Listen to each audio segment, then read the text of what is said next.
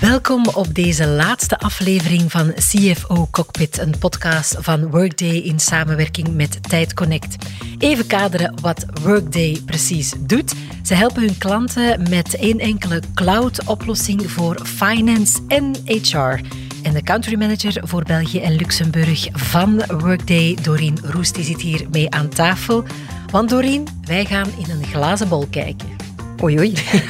we gaan het over de toekomst hebben, over de toekomstige rol meer bepaald van de finance-afdelingen in bedrijven en in organisaties, want ook finance evolueert. Luister maar naar de CFO van Partena Professional, Kathleen Klapaert. De laatste jaren kijkt men niet meer alleen naar de CFO om de strategie te onderbouwen en financieel op te volgen, maar ook om de strategie bij te sturen bijvoorbeeld naar aanleiding van een crisis. Hoe speelt Workday in op deze evolutie?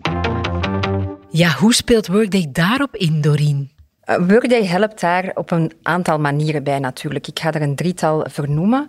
Eerst denk ik ja, door real-time toegang te geven tot de data. Als CFO heb je op elk moment een duidelijk inzicht in je cijfers, je cashpositie, assets, klanten en zo verder. Met heel uitgebreide drill-down mogelijkheden waarvan dat je echt van het financiële totaal tot het operationele kan gaan. Daarnaast is echt die combinatie met planningfunctionaliteiten heel belangrijk om ja, je forecast te kunnen maken en verschillende scenario-analyses te kunnen doen.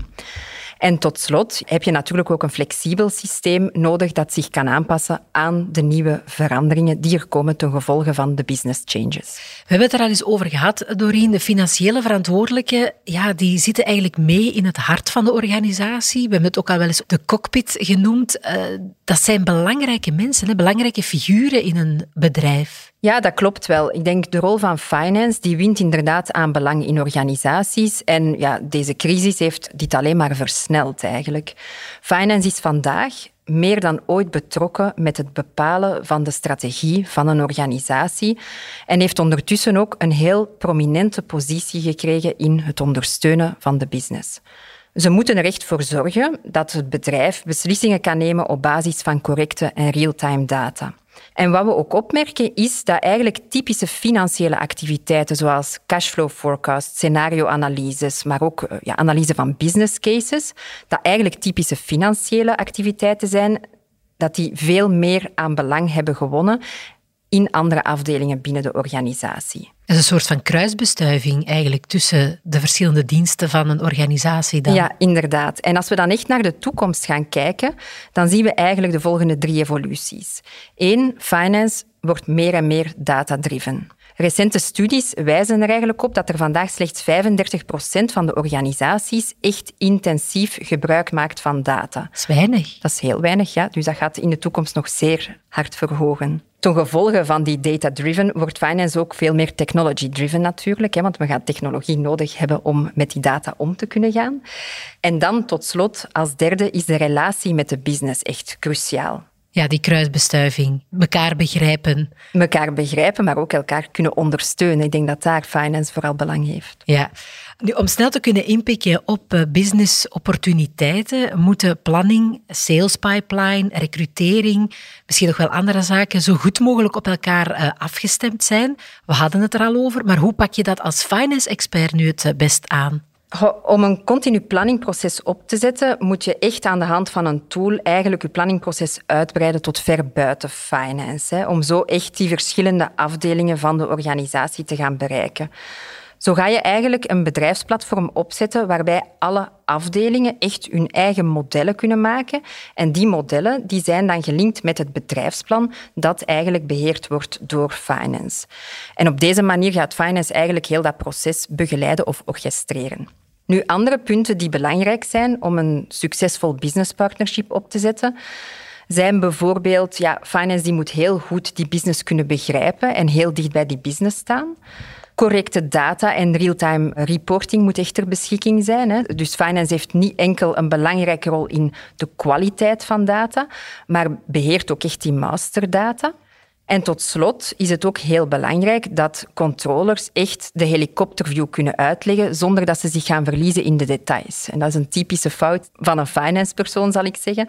Ze moeten echt ook een sterke ruggengraat hebben om te kunnen standhouden in discussies met managers en de business, want soms kan dat daar hard aan toe gaan. Ja, of misschien ook wel de taal spreken van de business, denk ik. Hè? Want ieder zit vaak in zijn eigen ivoren toren, heeft zijn eigen jargon en mensen begrijpen elkaar dan niet altijd. Ja, helemaal mee eens. Ik denk als je aan de business gaat spreken over werkkapitaal, ja, ik denk dat ze dat niet direct kunnen begrijpen, maar dat er dus een klein woordje uitleg bij hoort. Ja, en die moeite moeten we dan uh, inderdaad maar doen. Uh, kan jij eens een voorbeeld geven van hoe finance bijvoorbeeld HR kan ondersteunen?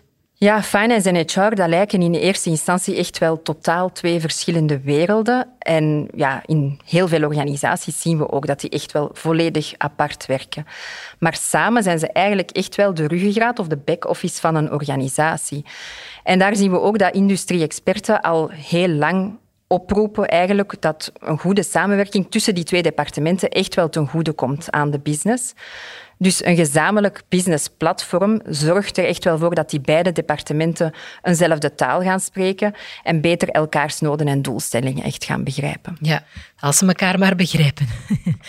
Even over de evoluties, ook op maatschappelijk eh, vlak, de trends waar ook een finance-expert eh, mee te maken krijgt. Thuiswerken, we kennen het allemaal, is er zo eentje, dat zal waarschijnlijk ook na 2021 ook meer en meer ingeburgerd eh, geraken. Op welk vlak heeft dat dan impact op het finance-departement?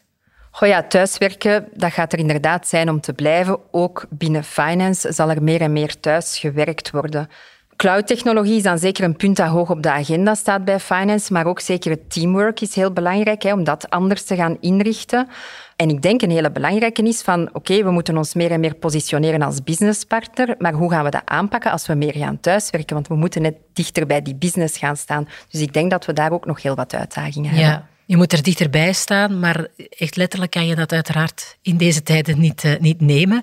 Er zijn nog meerdere maatschappelijke trends waar ik aan denk. Bijvoorbeeld, zeg maar iets, diversiteit op de werkvloer.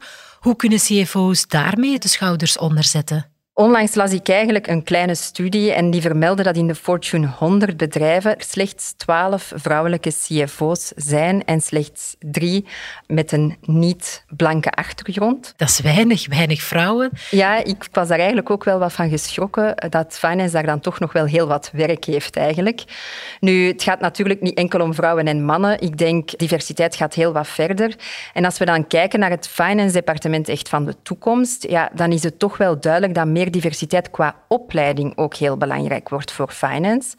We gaan heel wat mensen nodig hebben die andere skills hebben dan accounting. Dus het boekhouden aan zich is één zaak. Ja, het boekhouden gaat meer en meer geautomatiseerd worden natuurlijk met de nieuwe technologie. En dan ga je eigenlijk een ander type persoon nodig hebben. We gaan skills nodig hebben die beter kunnen omgaan met data, die veel beter kunnen omgaan met technologie maar ook ja, die een goede communicatie kunnen doen van het verhaal achter de cijfers. Dat is ook een heel belangrijke binnen finance.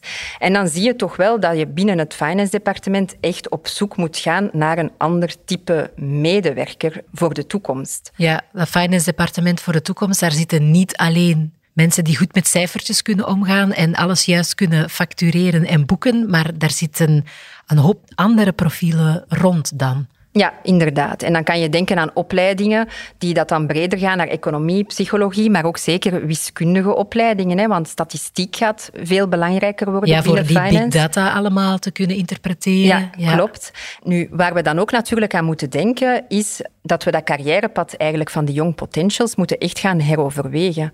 Want die hebben natuurlijk andere ambities dan de finance persoon die dat heel wat jaren geleden in finance binnenkwam. Ja, de klassieke boekhouder bleef heel zijn leven, bij wijze van spreken, boekhouding doen. Maar ja, de evoluties, we moeten daarmee mee, uiteraard. Ja, dat klopt. En ik denk dat daar een belangrijke taak ligt eh, van de CFO om met zijn collega CHRO om echt dat carrièrepad binnen finance dan ook verder te gaan uittekenen. Ja. Heb je zo nog raad voor onze luisteraar, voor de finance expert? we hebben het er net over gehad. Ik denk, start met die zoektocht naar het juiste talent eh, met diverse achtergrond voor uw finance departement van de toekomst. En dat gaat natuurlijk een combinatie zijn van aantrekken van nieuwe mensen, maar ook hoe ga ik mijn mensen vandaag gaan omscholen. Die mensen van vandaag die moeten gaan leren omgaan met nieuwe technologieën. En iemand dat twintig jaar eigenlijk boekhouding doet, ja, dat is niet zo eenvoudig voor die personen. Kan je natuurlijk allemaal trainingen en zo verder voor gaan ontwikkelen. Daarnaast is misschien een mogelijkheid van zo mensen eigenlijk een tijd met de business te laten meewerken. Ik zie dat ook wel bij bedrijven dat dat doen, dat ze echt zeggen van oké, onze finance mensen gaan een aantal dagen per maand echt puur op het zitje van de business zitten om dan eigenlijk ja, toch die businesspartnering ook te gaan bevorderen. Kijk, allemaal zeer nuttige tips. Met jouw tips denk ik dat elke CFO klaar is voor de toekomst. Dank je Doreen Roes, country manager van Workday, voor al je inzichten. En jij, beste luisteraar, dank je voor ja, het luisteren uiteraard. Je kan de hele reeks CFO Cockpit podcast van Workday in samenwerking met Tijd Connect herbeluisteren op tijd.be slash CFO Cockpit. En wat mij betreft, tot een volgende keer.